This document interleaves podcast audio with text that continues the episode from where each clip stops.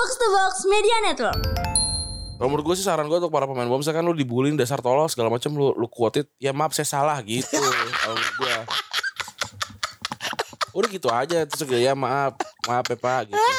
Kan Maguire ah parah nih lebih jago Tomori ya salam pak sama Tomori gitu aja gampang untuk menghindari bullying mah. Ada yang ada yang gue baca gini lu emang beneran mau dukung pem, eh, pembulian atau emang lu berharap ada orang-orang gede itu na- jatuh gitu Ya. karena karena karena mentalnya gitu gue gue juga peng gue juga berasa kayak wah seru juga nih orang-orang besar besar jatuh gitu Itu gak bohong ya. Kita tuh kan maksudnya itu salah tapi kita berani jujur tau gak lu? iya Kita tuh orangnya gini nih, misalnya sadar salah tapi ada titik di mana geli juga gitu kalau dipikir. Ya gak sih? Gak geli juga kalau dipikirin nih. Geli juga nih, lu bener juga lagi gitu.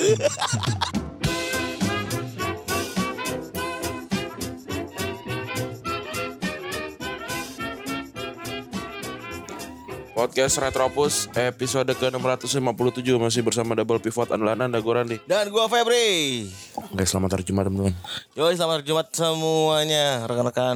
eh Gila, udah weekend lagi. iya Gue masih libur gue. Masih WFH, WFH. oh kalau gue sih udah sibuk lah udah mau Ramadan 16 hari lagi Wah, gila buat lu. Oh, program Ramadan gitu-gitu mempersiapkan ya. ke Ramadan Jujur ya, gue semenjak kerja di media ya. Agak sedikit kesel sama Ramadan gitu. Maksud gue kalau kita boleh gue boleh jujur gitu. Karena perlu menyiapkan gimmick-gimmick gitu-gitu kan. Kadang-kadang eh, perlu menyiapkan sesuatu yang ah melelahkan gitu. Rasanya seperti melelahkan gitu. Padahal ya ya entertainment ternyata ternyata di balik ge- gegap gembitanya tuh berat sekali gitu untuk terus menerus relevan gitu kan kan di kan cuman dipaksa untuk terus terus relevan terus kan. Iya iya bener.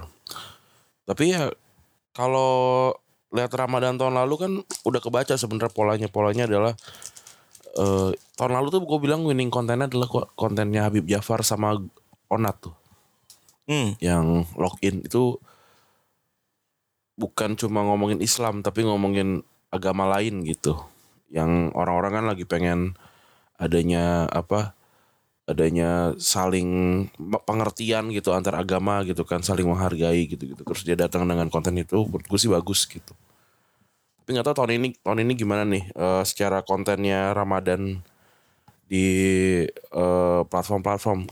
Mungkin masih masih masih kayak begitu lagi sih masih ada yang kayak gitu-gitu lagi. Tapi di tengah paradox of choice ya maksudnya orang-orang berhak memilih gitu ya eh udah nggak lagi kayak orang sahur nonton TV kan gitu kan ya masih relevan gak sih Ron kayak ada acara sahur gitu-gitu menurut lo Masih menurut gua masih. Tinggal siapa aja yang di serve sih sebenarnya kalau di TV mah pasti masih masih banyak itu. Bokap nyokap gua kayak masih nonton sahur deh. Maksudnya masih ada masih biar ada suara-suara aja. Iya bahkan kan de- semua orang berhak memilih ya bahkan pilihan paling mentok anjingnya kan adalah tidak sahur gitu kayak kita gitu misalnya kan Tapi banyak tuh teman-teman gue nonton kontennya Vindes waktu sahur tapi ditonton yang nggak sahur gitu. hmm. Banyak itu. Banyak yang gue lihat nonton di jam-jam 12 siang gitu waktu pas kemarin-kemarin tuh. Ya berarti emang, emang kalau konten bagus ya bagus aja gitu. Tapi kalau gue sih nggak ada sih, nggak ada konten, nggak ada konten sahur, nggak ada konten. Ada sih konten ini, konten eh, Ramadan dailynya apa? eh yearly-nya si podcast Mas ada. Tapi yang lainnya nggak ada. oh berarti tidak ada yang eh, punya urgensi waktu ya waktu saat, tanda kutip pagi siang sore gitu ya maksudnya buka ada. puasa gitu gitu nggak ada Nggak ya ada, ada. semuanya identiknya dengan ini aja pokoknya Ramadan ya ada special edition Ramadan gitu ya Mm-mm.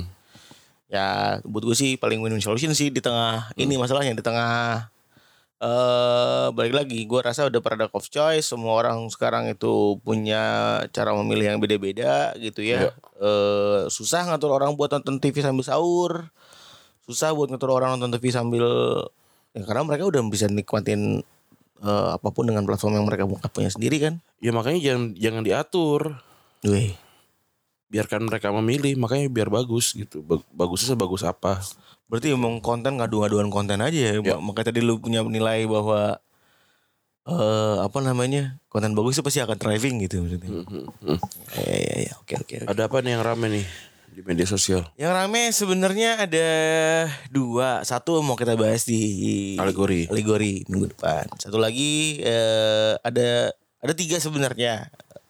Satu mau kita bahas di Alegori minggu depan. Satu lagi itu ada tentang laki-laki yang tidak bisa ngapa-ngapain karena nggak ada kalau nggak ada istrinya Hmm. gitu.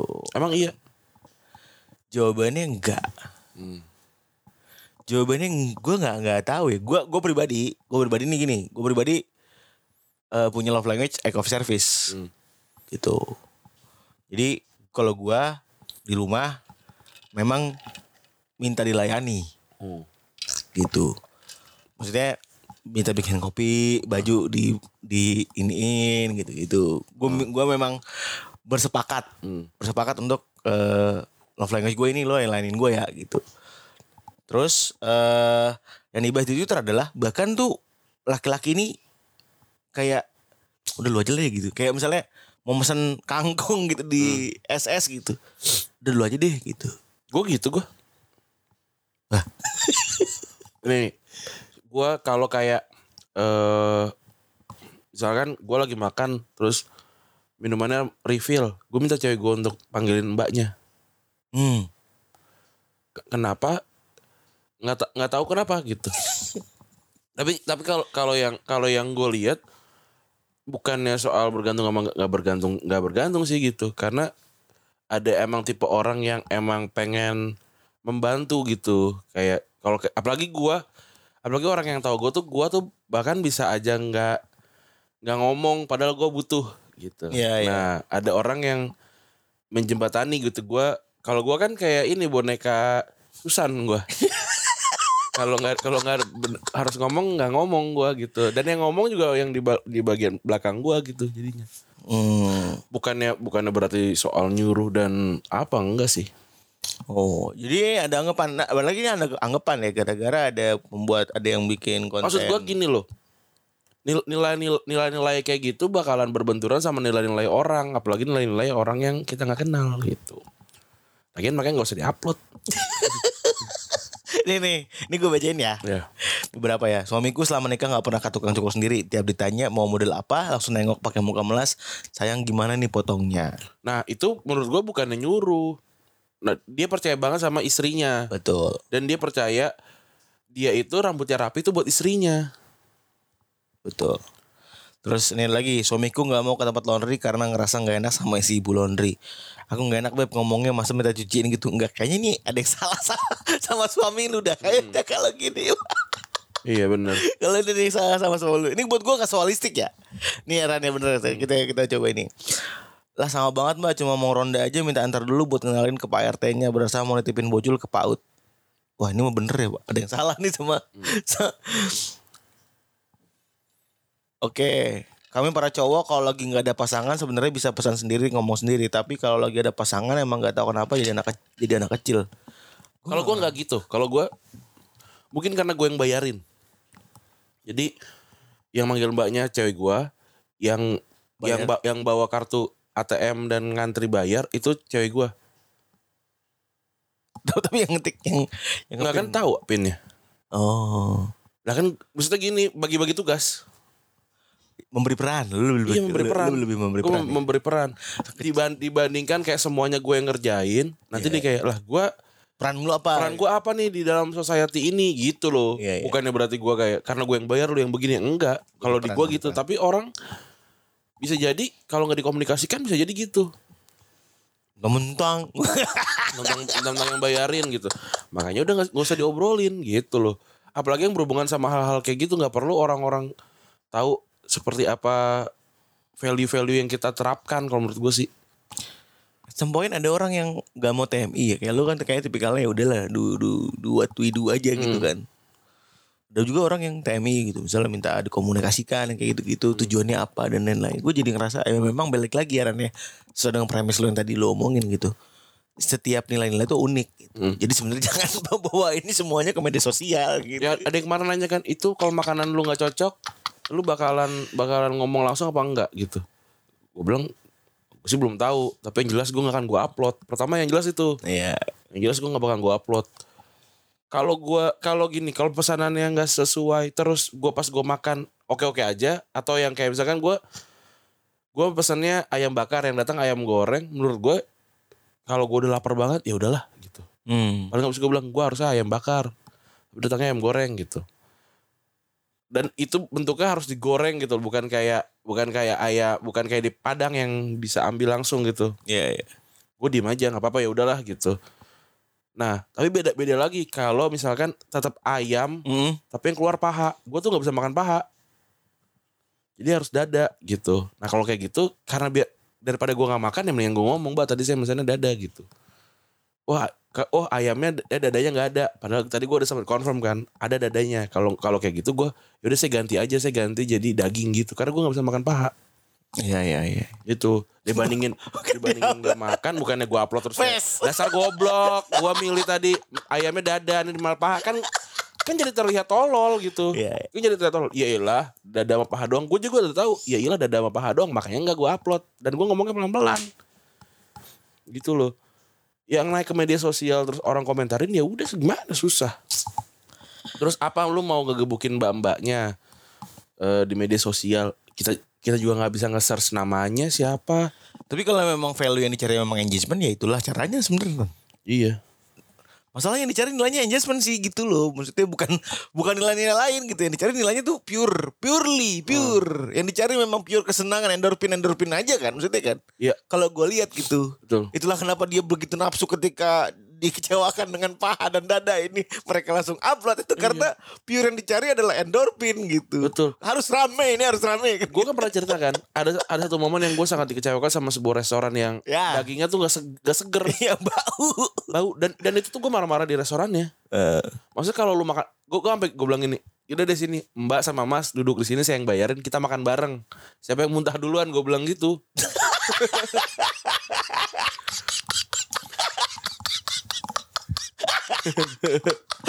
Piuk challenge. terus ya udah Siapa yang muntah duluan? Tai juga lu. Nah terus ya udah kan udah kayak gitu. Ya udah ya saya saya mau saya keluar aja ya. Eh, ini nomor saya saya nggak mau saya ngontak.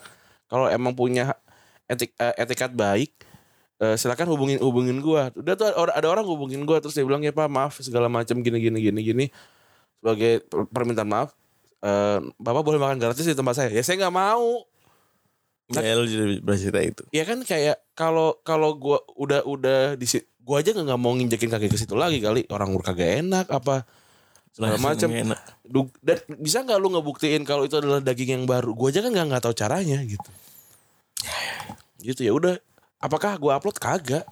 Jadi gini memang ada beberapa kalau gue lihat tipenya itu ada. kalau ada SJW kayak gitu buset dah. Atau ada orang yang yang ngejar engagement buset dah itu bisa tutup. Karena gitu, lu, lu nyari yang lu cari adalah solusi. Iya. Lu juga pernah menggunakan hal-hal apa namanya tolong ramein ya gitu, gitu. Ada pernah. Karena memang butuh solusi, butuh solusinya melalui internet. Betul. Telkomsel. Ya, Sampai sampai meeting mereka. Sampai meeting di kantor gede itu meeting gede itu. ya, Karena karena karena uh kacau banget itu tuh. Itu kacau banget. ya kan? Maksudnya Goyang memang itu, memang goyang. memang gini.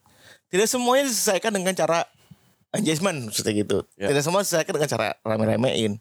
Tapi kalau rut kalau lu memang ngincar diramein Jadinya tuh muncul tuh tadi ayam paha gitu-gitu, case-case ayam paha dan ada lain-lain. ada case yang deket lagi.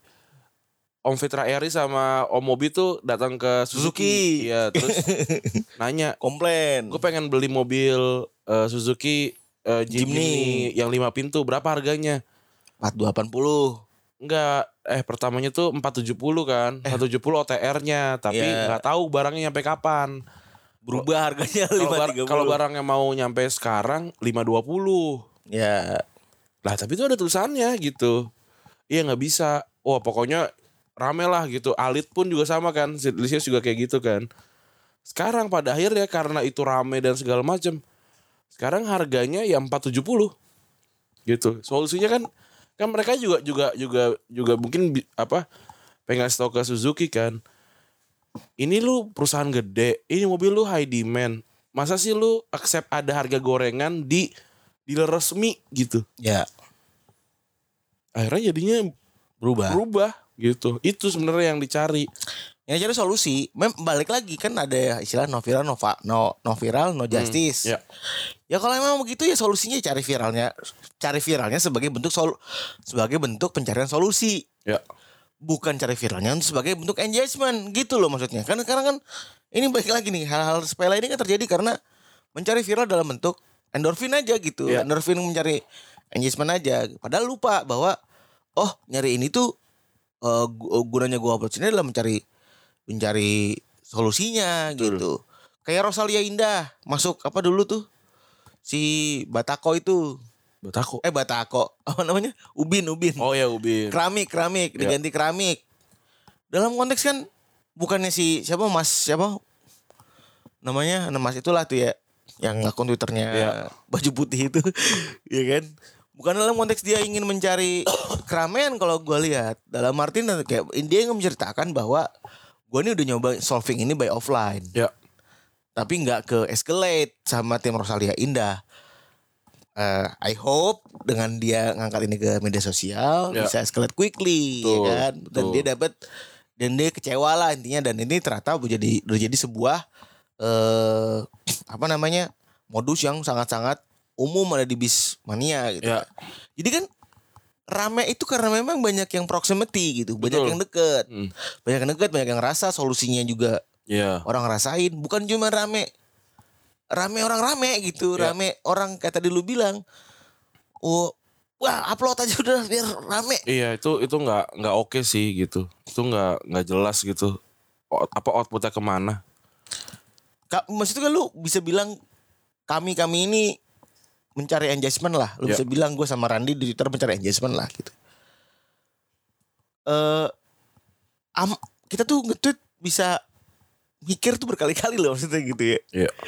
ya kalau gue baru-baru ini sih kalau gue baru-baru ini baru ngerti kayak mana lubangnya mana ininya gitu-gitu. Mana ininya apa segala macam ya pasti ada ada tujuannya pasti ada objektifnya dan nggak cuman kayak eh rame nih gitu, Betul. ya kalau emang pengen rame nih ya itu kan dalam konteks misalnya ya udahlah ya itu sosial media kan gitu ya Betul. Ta- tapi kan tidak ada hubungannya dengan kayak misalnya kita melakukan hal bodoh terus kita kita posting gitu misalnya itu kan Ya. ya jadi something baru tuh something yang berbeda terus tadi udah bahas soal itu istri yang kedua ada soal bahas soal pembulian jadi rame karena melibatkan salah satu artis Anaknya Vin, kemarin si Vincent kayaknya udah ini deh, udah eh klarifikasi ya. udah dia udah ke Polres Hmm. Udah ke Polres Jaksel udah dilaporan udah masuk. Udah ke Polres Jaksel dia buang klarifikasi lebih ke dia. Sebenarnya dengan munculnya Vincent ini cuman jadi bahan eh validasi netizen netizen aja. Oh beneran nih emang anaknya Vincent gitu. Ya. ya, kan, kan selama ini kan belum masih simpang siur kan? Bener gak sih anaknya Vincent? Dan Vincent datang ke Polres dia nyelesain dia nyelesain itu. Dan ini tahu si Vincent katanya anaknya tuh eh ketuanya.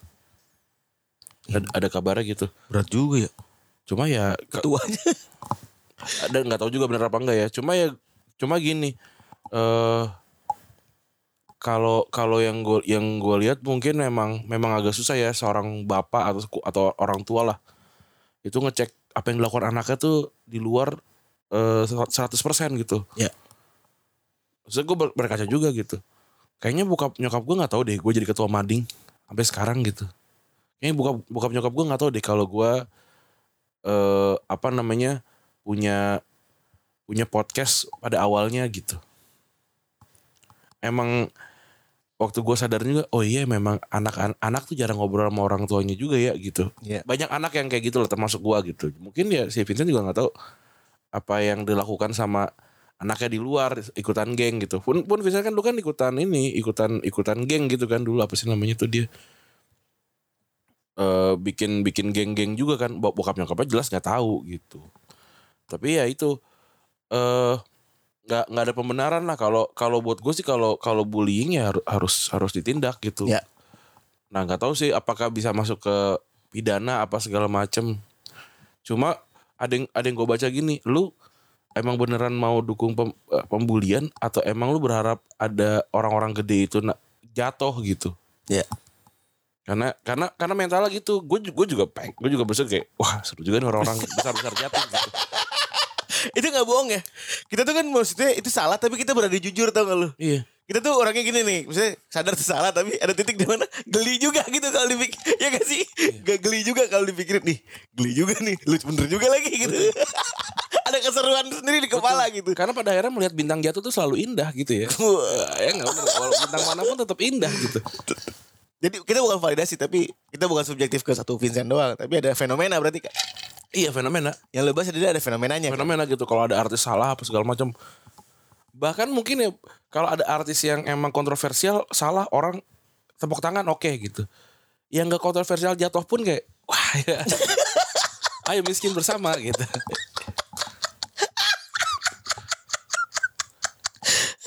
Nilai-nilai kayak gini kalau dinaikin di Twitter bilang gua enggak kok segala macam. Emang enggak gitu. Emang lu enggak, tapi ada gitu. Cuma kan pasti debatnya kan ke situ kan ada yang ada yang ngerasa gua enggak sih gitu. Gua nggak akan seperti itu gitu. Nah, gue udah malas berdebat sama hal-hal kayak gitu di Twitter Sama, gitu. iya. Mending bacain komentar lo TikTok sekarang.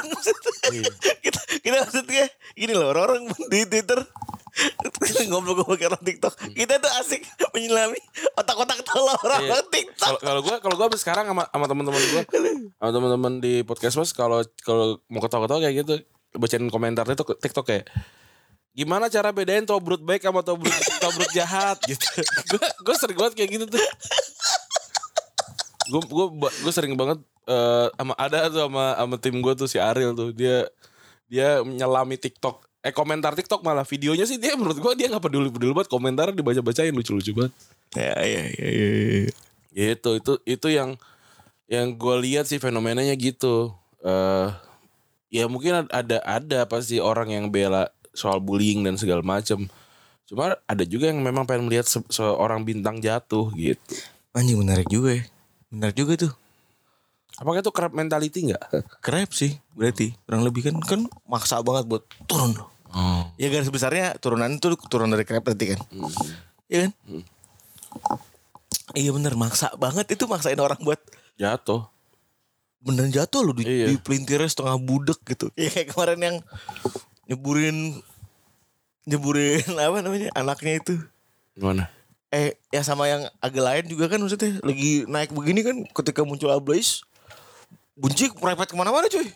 Iya iya iya. Ya, maksudnya sebelum kita bahas nanti ya. Nanti, nanti. Iya kita gatal kita gatal sekali gitu. Tapi maksud gue Orang- Orang-orang pada apa DM bang ayo bang pakai ablaze bang anjing juga orang-orang si Raka juga tuh mana sih menunggu anjing pada ini bangsat emang gue tuh gue tuh maksudnya anjing lucu juga nih ablaze gitu gue punya pengalaman soal penggunaan nantilah kita kita cerita Itu gue punya pengalaman banget soal ini soal geli-geli di hati ketika ada kata-kata baru. Terus gue ketahui kapan ya gue bisa menggunakan itu? Dan itu pada akhirnya tidak bisa gue gunakan lagi. Karena kerjaan. Karena abis sekarang gentrifikasi belum gue tuh kemarin ada, ya gini dong gue tuh kemarin ada di momen kerja politik yang mana keluar tuh kata-kata meritokrasi misalnya gitu. Awalnya gue asik nih dengan kapan saya bisa menggunakan meritokrasi ini? Terus ada muncul lagi saya harus paribus. Kapan saya bisa keluarkan? Terus lama-lama kok makin banyak. Gue gue aja kayak ah gue pengen pakai patrinial kapan ya? Terus pada akhirnya gue find out ini anjing ini udah gak lucu lagi maksud Ah, iya iya iya. Anjing nih buat gue udah gak lucu lagi anjing. Daripada gue ribut mau menggelikan kepala gue sendiri pada akhirnya gue udahlah googling aja. Apa nih artinya? Gue jamin gue harus maksa jamin menggunakan itu kan supaya gue pas gue baca ini ada orang ngomong pakai agitasi ui keren. Iya banyak gue harus belajar banyak banget secara cepat ya pada Iya, akhirnya. Wah anjing geli-geli itu kan karena kita berdua sering banget bercandain. Kapan nih gue menggunakan kapan nih gue menggunakan ini? Pada akhirnya sempat bikin gue begitu terus. Pada akhirnya loh kok lama-lama gue tertinggal? Perkara gue nggak mau nyelipkan kata meritokrasi dalam sebuah kalimat. Iya bener. Atau gini rasio dalam sebuah kalimat ini. Keren banget itu. Tapi ini di besok besok tuh ada event di Tori Bar ya di Tori Kaizoku itu merayakan PSI nggak lolos gue bagi ya kayaknya enak nih kola pagi-pagi aduh nah kan to- eh, ini ya merayakan PSI tidak lolos 2,6 2,67 persen ya sama mereka dirayakan dengan 20 26,7 persen Diskon. diskon gitu. Bagaimana kita juga merayakan nih? Gue bingung dari kemarin apa yang harus kita rayakan. Apa kita rekaman aja 2 2,67 jam yuk. Itu kan masih masuk akal. Ntar dulu aja nunggu keputusan resmi. iya, kita nunggu keputusan resmi habis itu kita kita ngundang orang-orang dua tiga orang lah gitu untuk nemenin kita rekaman tuh hampir 3 jam. 2,67 jam itu berapa? Ntar kita cek dulu berapa menit. Iya benar. Iya. 2,67 jam 3 jam anjing. 3 jam 7 menit. 2,67 jam enggak lah. Oh, orang iya, kalau iya. kalau 10 Oh, kan dua, 20. oh iya, dua, bukan 2.67 jam ya. Iya, iya. 2,2 2,67 jam. Iya, iya, gue paham, gue paham. Komanya itu, 67-nya itu. Iya, ntar kita coba cek lah berapa itu. Seru juga tuh. Kita, Iya coba- juga, benar juga itu. kita mungkin akan melayangkan surat juga ke Kaisang. ke Raja Juli Anthony gitu, ke Dede Uki. Mungkin ada yang ingin datang gitu, ngobrol. Kita mau mah mau ngobrol sama mereka. Tapi berarti kita sedang melakukan crab mentality ya? Ada memang. Kalau kalau ini gue kita, Menurut gue yang, gue ngemimin aja gitu. Enggak, menurut gue yang melakukan crab mentality adalah diri mereka, mereka masing-masing. Kan Grace kan angkanya bagus. Orang-orang yang angka-angkanya kecil ini yang mau narik Grace Natali. Da- dari dari bibir eh, ember itu sehingga dia tidak berhasil masuk ke Senayan. Oh, mereka sendiri yang melakukan itu ya. Iya, walaupun Kalau kita hanyalah orang-orang ini nelayan yang melihat dari pinggiran ember. Iya. Wih, keren. Turun lagi. Weh, weh itu ke- apa kepiting PD dan, dan naik. Eh, itu kepiting Golkar naik lagi. Eh, kepiting Gerindra. Kepiting kalau 2,67 sedangkan batasnya 4% kan dia dikit lagi tuh. Dari tengah-tengah ember gitu. Iya. Ternyata di bawah ada rajungan ya. Ah, ditarik. Jatuh. Gue tuh baru tahu ternyata caranya itu adalah dengan misalnya gini nama suara Randi lolos misalnya di dapil Bekasi gitu. Tapi nggak bisa naik karena DPR RI itu ada minimal thresholdnya itu 4% itu. berarti, berarti suaranya angus. Suaranya angus, gue baru tahu tuh. Bagus, nggak apa-apa. Jadi mau sekenceng apa pun Makanya partai itu jadi mahal Masuk partai jadi mahal Gue jadi mikir Oh makanya masuk partai jadi mahal ya Karena Karena partai-partai yang gede tuh ada kepa ada kepastiannya. Kepastian. Gitu. Jadi gue mengerti Gue maksudnya gue Gue kan ingin memahami sistem busuk ini dari mana sih gitu kan? Dari mana sih? Oh parliamentary threshold Gini-gini dan lain-lain. Oh kenapa partainya jadi jadi masuk partai di mahal gitu? Eksklusivitas itu dibentuk ternyata sama mereka-mereka sendiri. Hmm. sehingga sehingga ya ya kan dulu pernah ada tuh sejarah 2,67 2, sekian tuh masuk Siapa? PSI juga kalau gue DPR. Namanya bukan PSI yang sekarang partai apa tuh namanya tuh yang neoister yang gocek tuh Iya iya iya iya. Oh itu 2,6 masuk tapi. masuk karena tidak ada parliamentary threshold gitu gitu jadi memang itulah kenapa eh, kayak model-modelan kayak misalnya Chef Arnold jika masuknya lewat Kan dia angkanya kecil dia mah. ya misalnya contoh ya misalnya Dia kalah sama Angela Tano Sudibyo itu. ya misalnya si HT gitu si Hartan Sudibyo suaranya udah lima ribu gitu misalnya eh ternyata secara threshold itu nggak nyampe 4 persen gitu so nggak nggak nggak bisa masuk juga Iya iya. Ya, menurut gue makanya jangan bikin partai. Nah, kenapa sih orang berlomba-lomba untuk mewakili orang? ya objektifnya nggak itu Iya makanya itu. objektifnya nggak itu masalahnya objektif awalnya tuh nggak itu gitu dulu pas lagi PDI Golkar sama siapa namanya P3 gitu Kan ya. apa pun konteksnya mewakili orang tuh nggak enak. Dulu jelas nih dulu kan jelas ya PDIP Golkar PP3 kan mewakili kaum muslim muslim ya kan mayoritas Sama pecinta hewan. Pasti PD itu. Nasionalis. nasionalis eh, gila-gila kiri kan gitu nih ya. Nah ini tengah-tengah gitu. Satu kanan, kanan mentok, satu kiri mentok, satu lagi tengah-tengah gitu kan. Makanya clear ya kan, opsinya clear. Terus tiba-tiba banyak spektrum-spektrum lagi yang buat gue tidak jelas juga gitu. Jadi Kayak yang kayak MBTI lah. namanya.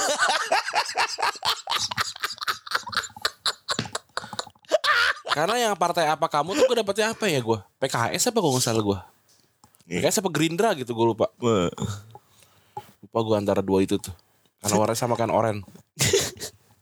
iya jadi, jadi makanya sekarang lu kalau lu ngomong bahwa kenapa sih orang berusaha bikin partai ya ada benar juga lu bertanya-tanya seperti itu kenapa sih orang pengen berusaha mewakili pada fakta semua orang tidak ingin mewakili akhirnya Iya, ini itu. berkuasa gitu Karena karena pada pada pada awalnya pada mulanya mewakili itu tidak pernah nyaman gitu.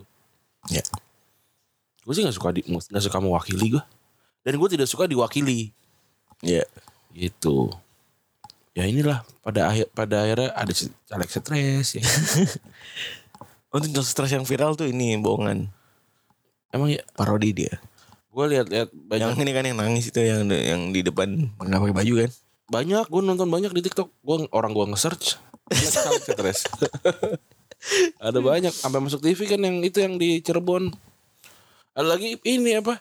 Tim tim tim ses caleg stres. Kata gue kenapa lu yang stres? Apa dia pemodalnya apa gimana? Oh, banyak juga ternyata caleg juga yang dibohong-bohongin sama orang. dibohongin bener, kasihan. Goblok organisasinya. Polit politik itu nggak semua orang bisa kerja, maksudnya gitu. Bukan dalam arti mengeksklusifkan diri ya. Emang ternyata setelah gue lihat datang, oh emang ini tuh gila ya mainannya. Lu bener-bener kayak kalau bagi-bagi duit nih ada istilahnya 10 banding apa lu bayar 10 dapat 7 gitu-gitu segala macam. Itu tidak exact seperti itu gitu. Bener-bener bisa aja suara lu melaur gitu atau misalnya dikentit atau bisa aja emang udah ditimpa duluan sama yang mana gitu-gitu. Jadi banyak banget yang makanya orang-orang politik itu akhirnya berulang lagi berulang lagi berulang Hmm. lagi gitu ya. Itu karena itu gitu. Karena kayak speciality gitu kan. Ya. Ini sebuah bidang yang berbeda gitu. Dulu gue pernah ada ada titik di mana soalnya agensi gue pengen buat masuk politik. Ya. Agensi lama gue tuh dulu. Wafifu lah dia bikin kayak zaman sekarang tuh tiba-tiba muncul kan. Dengan mudah kamu bisa akan dapatkan ca- paket calegmu gitu gitu. Sama dulu ada kayak sampai segitunya ya? Ada paket caleg. ada di di buat kalau gue kemarin karena gue gencar di eh, apa namanya politik gitu Hmm. di Instagram gue masuk tuh pakai calegmu pakai calegmu gitu gitu ada tuh pakai caleg paket Kan kalau kayak GO gitu atau kayak apa kalau nggak lolos kan balik duitnya. Kalau lolos ini nggak balik. nggak ada Kasian juga ya. ini kayak betting makanya Gak usah lah. Gak, kalau menurut gua pikirin lagi tidak tidak nyaman untuk mewakili dan tidak nyaman diwakili. Jadi nggak nggak nggak baik. Baiknya menurut gua satu partai itu tiap daerah satu dua gitu loh. nah memang yang paling keren tuh partai itu regional sebenarnya Maksudnya menurut gua harusnya dites dulu. tes misal tes kebudayaan aja kalau lu mewakili Bekasi apa ada soalnya? Menurut gue sih gitu sih kalau kalau kalau enggak ya nggak usah. Tapi kan nggak nggak nggak semuanya orang pintar itu bisa bisa kerja gitu. Betul. Tapi orang bodoh juga belum kayaknya juga nggak bisa kerja gitu loh. Baik orang pintar nggak bisa kerja. Udah lah ya kita bahas sepak bola ya. Ya. 30 menit bisa lama juga ya kita ngebacun nih. Dari sepak bola ada eh, apa namanya midweek ya. Ada midweek dari liga liga champions. Dari liga champions ada Barca yang seri ya. Barca imbang ya Run? Hmm. Eh, Porto menang langsung sama Arsenal Napoli seri satu sama lawan Barca terus PSV seri satu sama lawan Dortmund. Daniel Daniel siapa Melun siapa? Lupa gua. Hmm? main PSV itu yang sekarang di Dortmund sekarang di Danny Mailen apa? oh Doni Ma Doni Malen Danny Mailen itu ya. Kemarin golin tuh. Langsung ini dia angkat tangan. si Dakep ya Si Dakep. Kalau si Dakep si Dakep. lucu. Itu kata-kata lucu tuh ya. Si Dakep. Gak ada artinya. Gak ada konteksnya juga. sama kayak si Rekap Iya. Si Rekap si Dakep bukan si Rekap. Terus Inter sih menang langsung sama Atletico Madrid ya. Mm-mm. Terus Premier League City menang 1-0 lawan Brentford sementara Liverpool menang 4-1 lawan Luton ya. Ini baru pemain bocah ya pemain akademi. Mm-mm. Gue nonton jam 3 pagi brengsek gitu gue. Golin.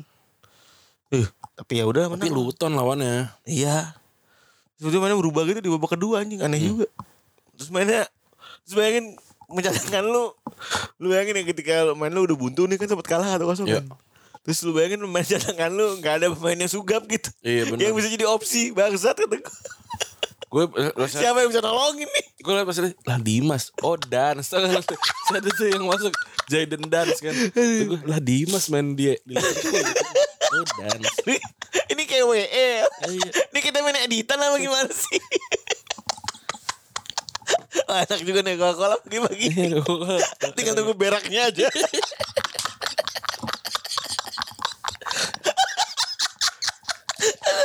Uh, kita ASMR lu.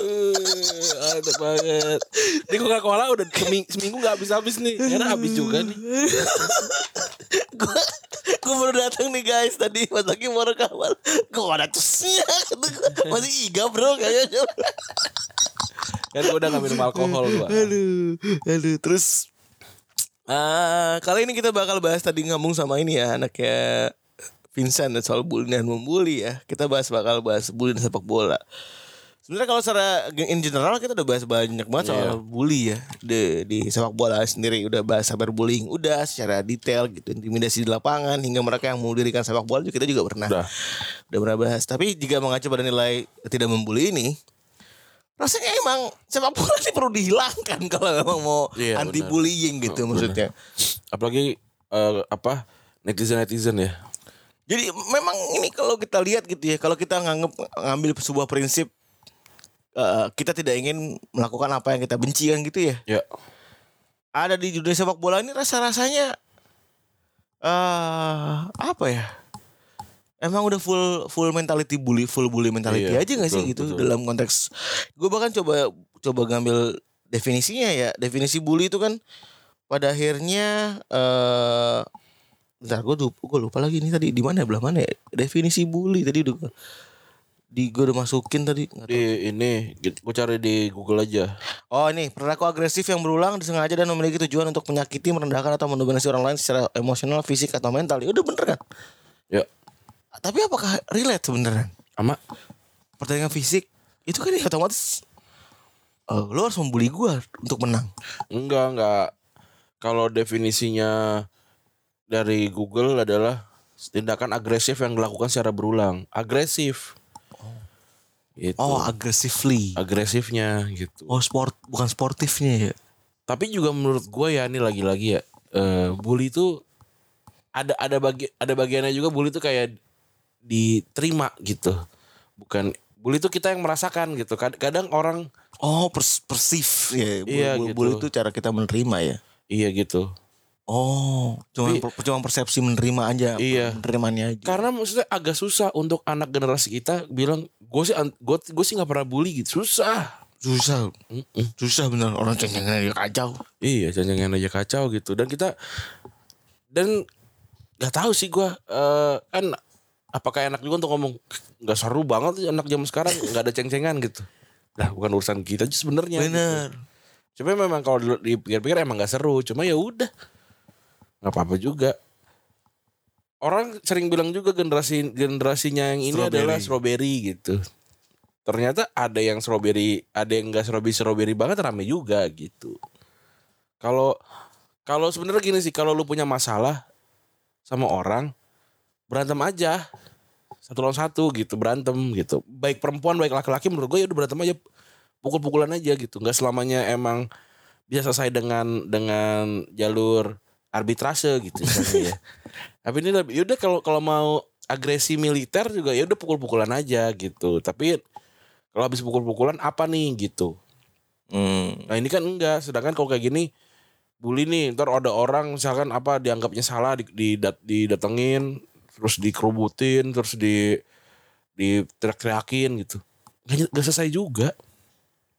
Dan itu biasanya yang kayak gitu kan justru yang emang yang manggil dan ngumpul segala macam lebih kuat. Sedangkan yang yang yang dipanggil dan diteriak-teriakin itu lemah gitu. Kalau udah tahu lemah, ya ngapain rame-rame gitu loh. Nah, iya. Misalkan nih lu punya masalah sama orang yang lebih lebih kuat nih. Iya. Lu nggak mungkin manggil dia ke tongkrongan lu kan? Hmm, Iya, iya. Aneh ya, ya Aneh. anomali ini sebenarnya anomali anomali. Iya, nah itu bullying kalau menurut gua. Kalau emang lu ngerasa gue punya masalah malu, sedangkan kita satu satu level lah gitu. Dari pengaruh, dari kekuatan apa segala macam, nggak mungkin lu dibawa ke tongkrongan gua. Ya pasti oh nggak mau ya gue harus hadapin waktu aturan satu gitu. Berarti ini ngomongin soal ini ya. Bully terjadi kalau ada strata ya yang berbeda ya. Mm-mm. Kalau ada tingkatan yang berbeda ya. Iya. Awal dari situ juga dulu ya berarti ya.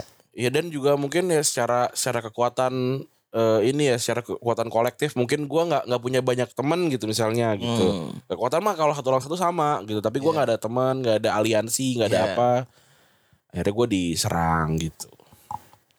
Oh, berarti ada ada Oh, anehnya di situ ya. Ya itu kalau bullying yang langsung ya, kalau Iya. bullying online sih menurut gua kalau udah membawa pesan yang sama misalkan kayak tahu MU mainnya jelek, tahu si Maguire yang main yang mainnya tolol. Yaudah mereka beraliansi tuh menyetujui kalau itu dulu baru habis itu mereka nyer- nyerang rame-rame gitu kan. Iya, iya benar, benar. Gitu. Benar benar benar. benar. Tuh, itu bullying tuh. Ya ya. Jadi gue cuman mikir bahwa kalau misalnya memang agresif seperti ini berarti sepak bola ini jauh sekali ya dari ini dari dari apa namanya kata kita anti bullying gitu. Ternyata tadi gue baru nangkep tuh. Oh iya kalau misalnya memang jadi ada ketidakseimbangan. Betul. Dalam sepak bola itu ada ketidakseimbangan. Eh, dalam bullying itu ada ketidak- ketidakseimbangan. Kalau menurut gue sih saran gue untuk para pemain bola misalkan lu dibullying dasar tolol segala macam lu lu kuotit ya maaf saya salah gitu. Kalau gue. Udah gitu aja terus ya maaf maaf ya pak gitu. Kan Maguire ah parah nih lebih jago Tomori ya salam pak sama Tomori gitu aja gampang untuk menghindari bullying mah.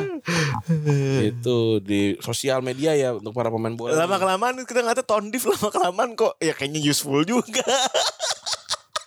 Gak ada lama Tondef. Oh, oh emang bolot nih gitu. Ya. Iya. Lama kelamaan. Iya kan. Oh si anjing kok tondif ya. tinggal nyari itunya aja eh, si siapa namanya temannya Haji Bolot Mali. Haji Mali gitu Iya kita ngelokit. Ngelo- Kok tonton bocah tondif ternyata Iya. bolot bener. iya kalau menurut gue sih gak apa-apa kalau menurut gue Maguire kayak gitu iya pak maaf gitu saya gitu terus kayak udah ya aduh goblok nih jagoan Tomori nih di timnas Inggris iya pak salam buat Tomori gitu dah gitu aja, gampang. Dan sedihnya pembulian sepak bola tuh rasanya emang selalu dekat ya balik lagi karena ada intimidasi kan gitu Iya. kan. Karena rasanya intimidasi itu adalah variabel yang perlu dilakukan di sepak bola ya ternyata ya. Dan ini kayaknya emang eh, episode kali ini balik lagi karena kita udah pernah bahas soal eh, cyberbullying intimidasi lapangan hingga mereka yang bully dengan sepak bola. Ini kayaknya mempertebal bahwa memang secara premis nilai bully dan sepak bola itu sudah dipisahkan Ya. gitu Kultur maskulin yang jadi salah satu penyebab utamanya karena nggak heran juga intimidasi para pemain di lapangan hingga intimidasi antar supporter itu udah kayak jadi makanan sehari-hari jelas ya. ya Dan toksiknya seolah-olah semua supporter harus punya mental kuat sebelum dukung tim sepak bola. betul Dan case yang paling awal dan terekam dalam sejarah media itu adalah ketika ngomong soal Muajir Barbosa.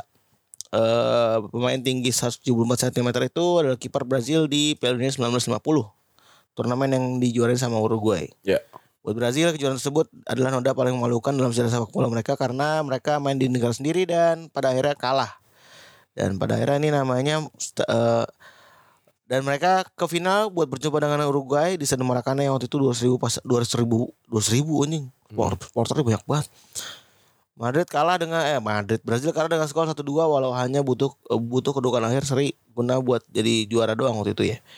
Dan tragedi sendiri itu nanti sekarang sebagai tragedi Maracanazo alias bencana Maracana. ya sampai anak cucunya coy kena Sini orang ini. iya dulu gue inget gue baca ini dari Astagfirullahaladzim.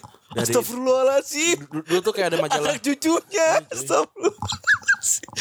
Terus, terus, terus. Sportif. Nggak ini da- dari so, dari soccer soccer kan su- suka bikin setiap bulan gitu kayak ada ada satu tema gitu lah kan bikin majalah gitu kan ini Brazil waktu itu oh. satu ceritanya ini dan dia waktu itu juga salah satu pemain kulit hitam pertama di Brazil. Di, di timnas Brazil. Oke oke. Seru yuk. Anjing. kiper dan dan kulit hitam waktu itu. Ya, dulu Coca-Cola. Tinggal nunggu beraknya. karena kan gue udah lama nggak minum coca cola Iya serius sih. Demi Allah cuy.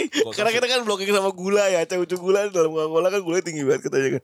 Dan sama Pale- Palestina ya? Juga ngasih coca cola tuh? Oh, oh. Anjing nikmat banget ya? Maaf maaf banget nih tapi enak. Udah lama kita minum Terus Pada akhirnya ini kalau iklannya coca cola begini masuk enak banget sih. Orang pasti anjir gitu coca cola Terus kayak Kebayang-bayang tau gak sih kita? Kayak Udah bunyi kelak-kelak-kelaknya lagi Terus eh Barbosa jadi salah satunya pemain yang dianggap paling besar sejak hari itu dan segala cacian dalam perlakuan buruk yang diterima publik sebagai cara agar sepak bola Brazil kembali berjaya waktu itu. Di negara yang menganggap sepak bola sebagai satu hal yang suci, Barbosa nggak lagi dipandang sebagai manusia, melainkan dosa yang tidak boleh lagi terlihat anjing anjing. Selain inhanan tanpa henti, Federasi Sepak Bola Brazil seperti mengekang Barbosa sehingga karir sepak bolanya eh, disudahi lebih cepat. Kendati demikian, Brazil tetap melakukan berbagai tindakan tak manusiawi kepadanya. ya Bahkan hingga hingga dia mati cuy. Hingga akhir hayatnya publik Brazil menganggap Barbosa sebagai dosa dan segala hal yang bersifat melawan dosa merupakan hal yang benar-benar mereka. iya Astagfirullahaladzim. parah banget emang Astagfirullahaladzim. Namun apakah adil baginya ini jelas tidak. Dia bilang bahwa aku tidak bersalah sepak bola demikian secara tim dan kami bersebelas waktu itu. Namun silah hanya aku yang kami hitamkan. Memang hukuman penjara terlama di Brazil berdurasi- berdurasi 30 tahun.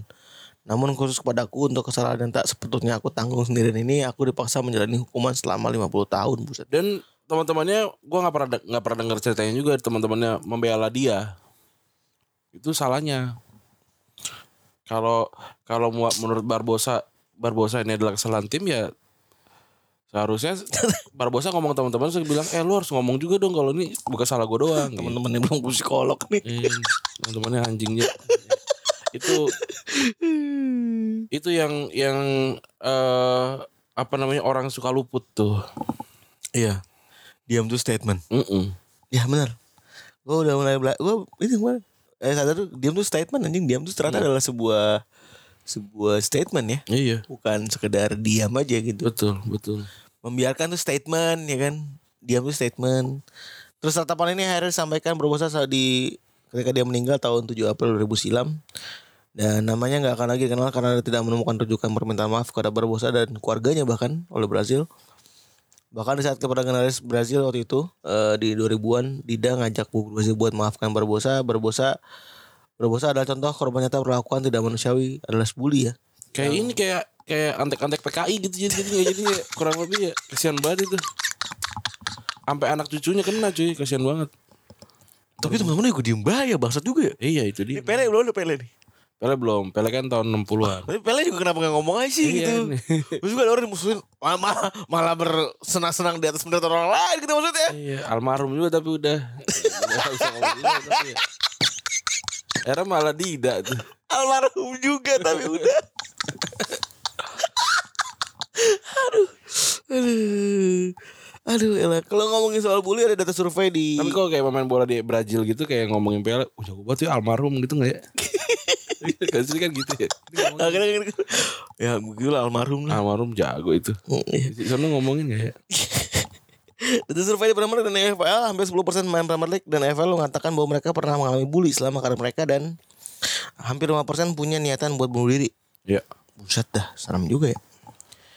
Tapi nggak tahu, gue kan gue selalu berpikirnya kayak kalau gue punya duit sebanyak itu sih gue mah orang mau ngomong apa juga bodo amat gitu. Tapi nggak tahu kan apa yang terjadi ternyata di atas sana kan. Eh, kita tuh kemarin pernah bahas apa ya yang ini juga jadi masuk gitu ya. Oh, yang punya duit sebanyak itu terus katanya nggak ngebeli ketenangan juga gitu. Hmm, Ya gak sih yang siapa itu tuh ya? Jurgen Klopp ya, setahu gue. lupa gue. Tapi ya, tapi ya gitu gue gue suka bertanya juga, masa sih gitu. Terus kayak emang boleh nggak sih orang-orang orang-orang yang kismin ini meluapkan kemarahannya, kekesalannya pada orang-orang kayak ini yang tadi gue ma- masuk di, di Twitter, lu tahu nggak? Eh di Twitter di TikTok, tahu tahu nggak? Eh, Malangsar itu digaji berapa sebu, seminggu di Chelsea? 120 ribu pounds bahkan lebih gede dibandingin Badiashil lebih gede dibandingin Thiago Silva lebih ti- tinggi dibandingin Mudrik apa segala macam lu inget dia pernah main nggak enggak juga wah gila 120 ribu pound itu kayak ya gue gue nggak nggak usah kerja sampai begini gitu sera- seminggu gitu. Kayak kita kemarin rekaman Jumat nih sekarang gue udah besar 120 ribu pounds gitu. gila banget ya.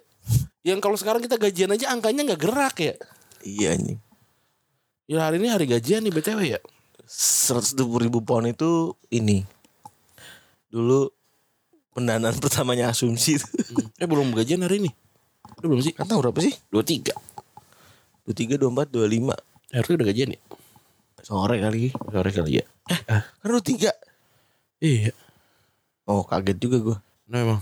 Gak apa-apa. Kumbah kan emang 25 maksudnya. Kumbah kan Oh. emang ngikutin hari gue Astagfirullahaladzim. Iya, iya. Gue gara-gara Kan gue belum bikinin finance-nya Hmm. belum, belum bikinin Belum ngerilis rekap segala macam Kaget juga gue anjing. Gue lupa kalau gue bukan ini Bukan kantor biasa. Iya iya. Eh Terus kalau kata dokter kesejahteraan main, eh, dokter Michael Bennett dia bilang ini adalah angka yang mencolok yang menggambarkan betapa seriusnya masalah ini dalam sepak bola. 79 dari 843 pemain di Premier League dan EFL itu bilang bahwa mereka diintimidasi atau mereka ya balik lagi ini adalah sebuah ini ya fakta dan 40 orang mengatakan bahwa mereka pengen diri kali gue ya gitu. 98 main, 12% bilang bahwa mereka tertekan untuk divaksin ketika Covid. Ya ini emang goblok aja lah. Dan secara masalah karena hal itu dan Tapi main bola goblok tuh menurut gue ya banyak gitu loh. Orang kagak sekolah. Iya gak sih? Iya sih? Orang kagak sekolah langsung main bola. terus eh data ini dikumpulkan dalam workshop pendidikan klub klub waktu itu tahun 2001 2022 kagak kok ya bener juga ya orang nggak sekolah. Orang kagak sekolah dia. Kerjanya cuma main bola doang ini. Ya wajar gitu kalau pada akhirnya dia kagak ini kagak ngerti. Kagak idep. iya. Gak jejak juga iya, gitu. bener. Orang kadit sekolah. Terus dia bilang intimidasi bisa terjadi antara rekan misalnya dari rekan steam di ruang ganti atau lapangan latihan kata Dr. Bennett. Dasarnya apakah itu lapangan latihan telah hadir pada hari pertandingan itu adalah tempat kerja pemain. Mm-mm. Mereka berhak merasa dilindungi dan aman tempat kerja. Rasa jelas untuk mendengungkan tapi setiap bentuk intimidasi akan memiliki dampak yang berkelanjutan pada kesehatan mental seseorang. Gitu. Terus ada juga case-case yang satu satu kesalahan sejuta bully serta intimidasi itu kan pada akhirnya terjadi di Lois Corius Kayak sejuta bul kayak sejuta sepatu gitu-gitu. satu kesalahan sejuta bully. Ya kejadian kan banyak tuh ya. Tadi ya si Barbosa, Karius juga kemarin pernah kan ya. Hmm, Sampai sampai udah hancur tuh langsung. Sampai singan kan nih. Iya. Singan, main Newcastle salah juga gitu. main di final Piala Liga salah juga aing. Kasihan ya, kasihan sih. Anjing. Orang hidup punya praduga tuh kesel benci loh gue. Iya. Or- Kita ini kan kita ini kan triple majority kan gitu. Mm. Kita nggak pernah tuh hidup hidup eh tanpa praduga gitu ya. Dengan praduga tuh kita nggak hampir nggak pernah kecuali orang jelek lah gue. Mm, mm. Sering tuh gue karena gue jelek gue jelek nih kerjanya nih. Demi Allah gue sering banget. gitu. Emang emang kayak gitu. Sering pak. Kalau orang oh orang jelek nih bisa nih disuruh-suruh gitu. Sering pak. ada ada orang jelek nih bisa nih kerja weekend. Gue tuh dulu sering banget. Sering banget tuh or- orang orang orang jelek tuh di, dikiranya struggle apa Budak gitu. eh, hustling, hustling. hustling gitu. Terus orang cakep aduh nggak enak nyuruhnya cakep gitu lagi cewek ya gitu ya bener lagi. Kalau gue enggak, gue pernah tuh dulu gitu. Mata orang gak gara-gara jelek gitu. Gara-gara jelek gitu. Itu, ya, ya udah gue mau gue mau kewak aja gitu. Bukan enggak maksud gue tuh gak peduli gue mau apa. Gue nggak peduli nilai yang gak ada aja gitu maksudnya. Enggak, gitu kadang-kadang kayak gini. Orangnya ngaku, misalnya orangnya ngaku. Enggak Misalnya gini, misalnya gini. Eh anjing gua di gara-gara jelek. Terus orang bilang, "Ya emang jelek gimana dong?" gitu. Maksudnya, Iya juga, maksudnya bukan itu. Jadi gak, gak valid. Gue bukan bukan bukan masalah, bukan emang jelek. Gue paham gue jelek. Tapi premis itu gak, gak valid jadinya kan iya gitu. Tapi ini soal kerja bro gitu. Iya bukan soal komuk masalahnya. Jangannya gitu. Lu lu gak hire gue untuk gue passion shop gimana? Untuk dimanakin make up apa iya, kecuali kalau kita emang kerja di di fashion brand gitu. Terus kita memang tugasnya adalah de- depan gitu. Ya wajar. Walaupun sekarang kan udah mulai kan yang kayak eh semua ukuran badan ada Iya. gitu-gitu kan. Muka jelek juga bisa sabi jadi Iya kayak gitu. Kalau gue sih juga setuju kadang-kadang gitu. Gini, lu datang misalkan ke mana ya ke H&M gitu atau ke Zara gitu, yang ada di gambar fotonya bagus ini. Kayak dia, kayaknya dia pakai apa aja bagus dah. Iya. Pas gue pakai, ah. Gitu. Makanya kita butuh. Dan orang-orang kayak eh, nyerang apa namanya eh, beauty beauty standar apa gitu-gitu kan kayak nggak boleh apa masa sih Cal- Calvin Klein atau Victoria's Secret sekarang modelnya udah pada yang plus size apa segala macam. Buat gue justru malah bagus. Iya. Bagus buat gue. iya ba- bagus. Jadi ketahuan oh kalau dipakai sama yang begini begini Iya, gitu loh hasilnya- hasilnya Iya. begitu. bukan bukan soal bukan soal inklusif gitu loh enggak gue mau nggak nggak itu Bener. Yang penting kita dapet contohnya kalau iya kita. kalau gue mau biar- modelnya bagaimana ini kalau dipakai Iya, kalau kita yang pakai bagaimana nih? Mantes Iya. kagak? kalau Beckham Beck, Beckham mah pakai baju KW pakai baju aneh juga mau pantas gitu loh iya lagi bener. Iya Orang- orang- orang- Ronaldo juga sama. orang-orang fokusnya ke situnya kayak eh, Inklusivitasnya. inklusif kagak ya menurut gue kalau memang maksudnya gini kalau memang model ya memang ada standarnya gitu loh coba kalau gue sih ter- sangat terbantu gitu Tapi yang jelas eh kalau kembali lagi kepada soal bullying ini ya, sekarang kan geser jadi cyberbullying ya. Hmm. Ya cyberbullying balik lagi tadi Rani udah bilang ya kan. Ini ngomongin soal penindasan ya semua orang rasain ya tadi kalau mau pemain mau membalas bisa dengan cara maaf pak salam buat Itu gue kasih contohnya itu. Tomori Tomori, gue udah tahu tuh caranya. Atau kalau di Instagram di pin. gitu, di iya pin aja. kayak orang yang mau ke Jakarta itu kan Iya bener, lagi OTW lagi, aduh. nggak pulang pulang Gue, udah banyak masjid ya, gue, gue kalau kalau dari nyampe Jakarta gue nginep di Bekasi lah. gua. Gi- dia ini udah jadi kayak PSI ya Kenapa? di cancel udah, udah, udah Gimik soalnya, kebanyakan gimik. Dulu, Seneng. tapi gue dulu seneng. gue juga senang dulu Gue seneng dia, bagus nih Pak Wali gini. ada satu nilai yang kemarin gue senang banget diomongin sama Jokowi Apa? politik itu nggak boleh sama politik itu nggak boleh ngikut-ngikut politik itu harus jadi trendsetter gue kalau pikir-pikir ya si anjing ini bener loh Ibarat ngatain anjing kulit. Astagfirullahaladzim Eh orang kata Ya maksud gue Pak Presiden bagus nih. Iya Bener loh Dia tuh so- Kayak ngomongin soal eh, se- Semua orang belusuk dulu Jauh saat orang semua orang belum belusukan Dia belusukan. Ya belusukan ya semua orang Bener, bener, bener, bener, bener. Dan dulu tuh gue memahami itu sebagai hal yang bagus gitu. Sama gitu. Waktu pas, pas Pak Jokrori melakukan belusukan gitu-gitu ya. Wah keren nih. Jadi gue sekarang tidak underestimate si Gibran tuh ngomong begitu kan ya Pak maaf gitu. Iya gue gak underestimate gue Karena pada akhirnya jika itu memang works untuk politisi, orang-orang akan melakukan itu juga. Bisa jadi ada Bisa jadi dia akan jadi normal baru Hmm. Buat kita nggak cocok Ya. Buat Gen Z kok lu gak pernah tahu Buat gen, di generasi di bawah kita Ah. Save-save mereka tuh Save-save budaknya dia Iya, nih iya, iya, Haji iya. bolotnya dia nih Kita nggak tahu di Betul, kepala betul, Gen Z betul, gimana betul, gitu Betul, betul, betul. Bisa jadi si eh, Gibran ini disukai sama Gen Z ya. Iya Bisa jadi kan masalahnya Iya. itu Dan kalau pasarnya eh, begitu ya ya mau bilang apa? Masa kita berubah jadi lagi jadi eh, apa namanya? Marketingnya berubah jadi kayak yang dulu lagi ya orang pasarnya udah nggak mau. Iya. Iya betul.